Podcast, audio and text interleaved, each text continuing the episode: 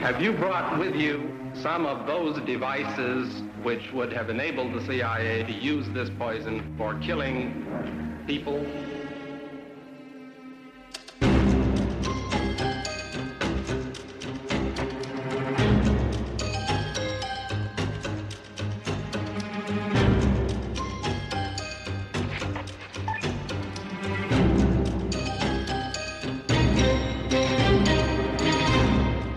Det, han beskriver, er bemærkelsesværdigt. Han beskriver jo, hvordan han, altså inde på Café Operan, der danser folk på bordene og råber, Palme er død, Palme er død. Øh, og det er der, han så bliver klar over, at det nok er alvor, fordi de har mødt nogen ude på gaden, der også siger det. Og så kører de hen til gerningsstedet, mm. og er der og kigger øh, omkring, og han ringer et sted hen, og da politiet spørger ham, hvor ringer du hen? Så siger han, jeg ringer til dem, der skal tage vare på, hvis der er noget alvorligt på færre. Så siger hvem er det? Jamen, det er bare dem, der har den opgave. Hvem er det? Jamen, det er dem, der skal tage sig af det. Du lytter til det hemmeligste af det hemmelige. Et program om den kolde krigs hemmeligheder. Mit navn er Anders Christiansen, og med i studiet er dokumentarist Christian Kirk Muff. Og så kommer han til Stockholm og møder sin far, som på stedet rekrutterer ham til barn til Saltsjøen. Og Saltsjøen, natklubben, det viser sig så at være spion-hotspottet. Om der fandtes et hotspot mm. i Stockholm, så var det der. Nå, i dag, Nej, puha. der fortsætter vi verdens største historie. Altså det, her, det er det er spionroman. Det, øh, øh, det overindfrier alt det her. I forhold til, hvor vi startede henne på den her rejse, og i forhold til, hvad jeg egentlig havde håbet, at vi kunne fortælle i verdens største historie, Mm. så er det eksploderet mellem hænderne på os. Og, øh, og vi er kommet ind i noget, som jeg ikke havde forhåbning om, at vi ville trænge ind i. Så specifikt, som vi er. Mm. Og, og det er ligesom her, alt konvergerer i alt, hvad vi har lavet, du og jeg. Mm. Altså, som i alt, fra allerførste gang, vi lavede det program. Mm. Fordi der snakkede vi om de svenske kriminelle. Leif Stenberg, Mr. X, Roland Bure, The Godfather. Ja, der taler du om øh, Krimiland, øh, som vi lavede på Radio 4, hvor du var, første gang du var med, der talte du om de her ting, den svenske underverden. Og langsomt er det begyndt at komme ind i det, vi sidder og snakker om nu. Vi er ved at gå fuld cirkel på alt det her. Men det, der helt konkret er sket, som det vigtigste, siden vi sidst har været i studiet sammen, det er, at vi har fået en, en række afhøringer af en person, der hedder Donald Fosberg.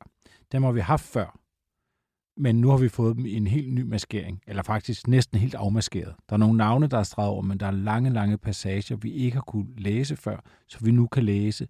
Og ved at krydstjekke det, kan vi også måske faktisk gætte ret kvalificeret på nogle af de navne, der er overstreget. Så vi ved en hel masse nu, som vi ikke har vidst.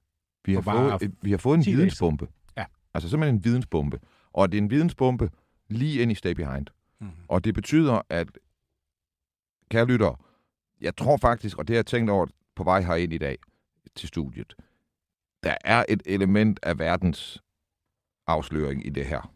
Jeg kender ikke til, at en Stay Behind-gruppe er blevet splittet ad, som vi splitter en Stay Behind-gruppe ad i de næste programmer.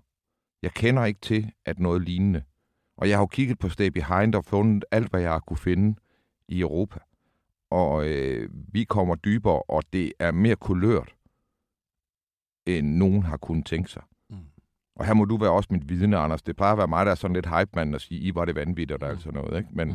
men, men øh, hold fast nu, ikke? fordi er du ikke enig? Mm. Nu får vi brug for sikkerhedsselerne. Det gør vi.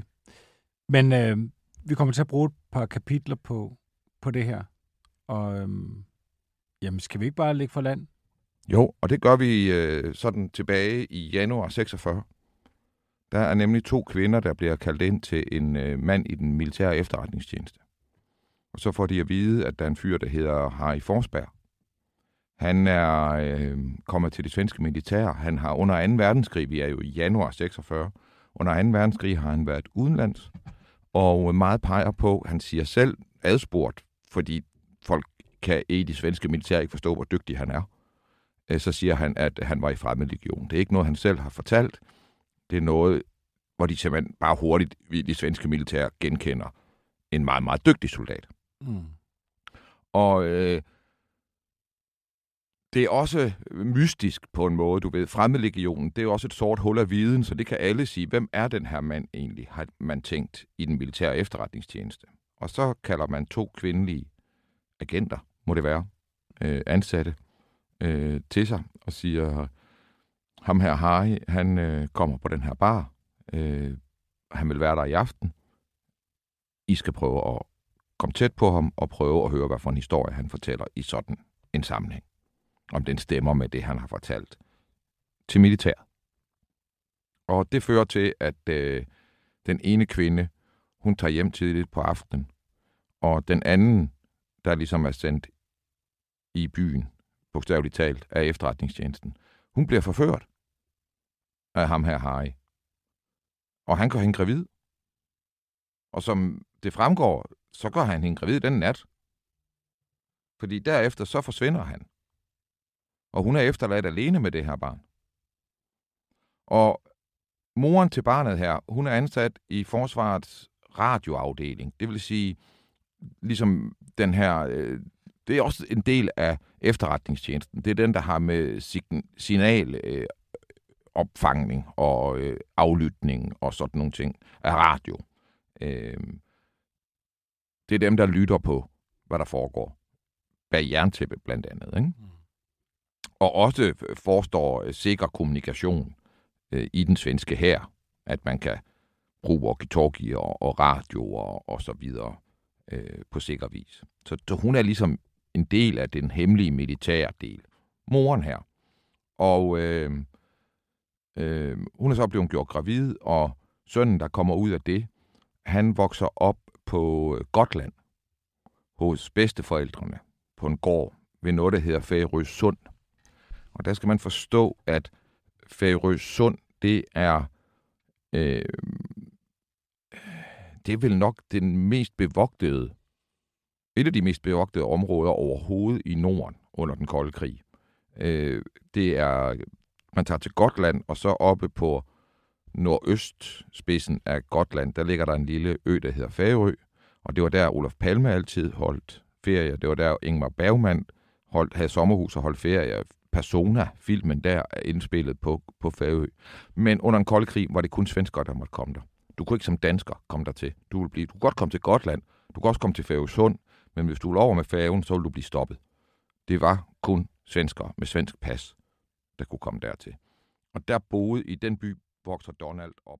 Så er der ikke mere for den statsbetalte 25 øre. Efter 24-7's lukning er Det Hemmeligste af det Hemmelige blevet en podcast, du skal betale for. Gå ind på hjemmesiden dethemmeligste.dk og læs mere om, hvordan du fortsat kan lytte til Det Hemmeligste af det Hemmelige.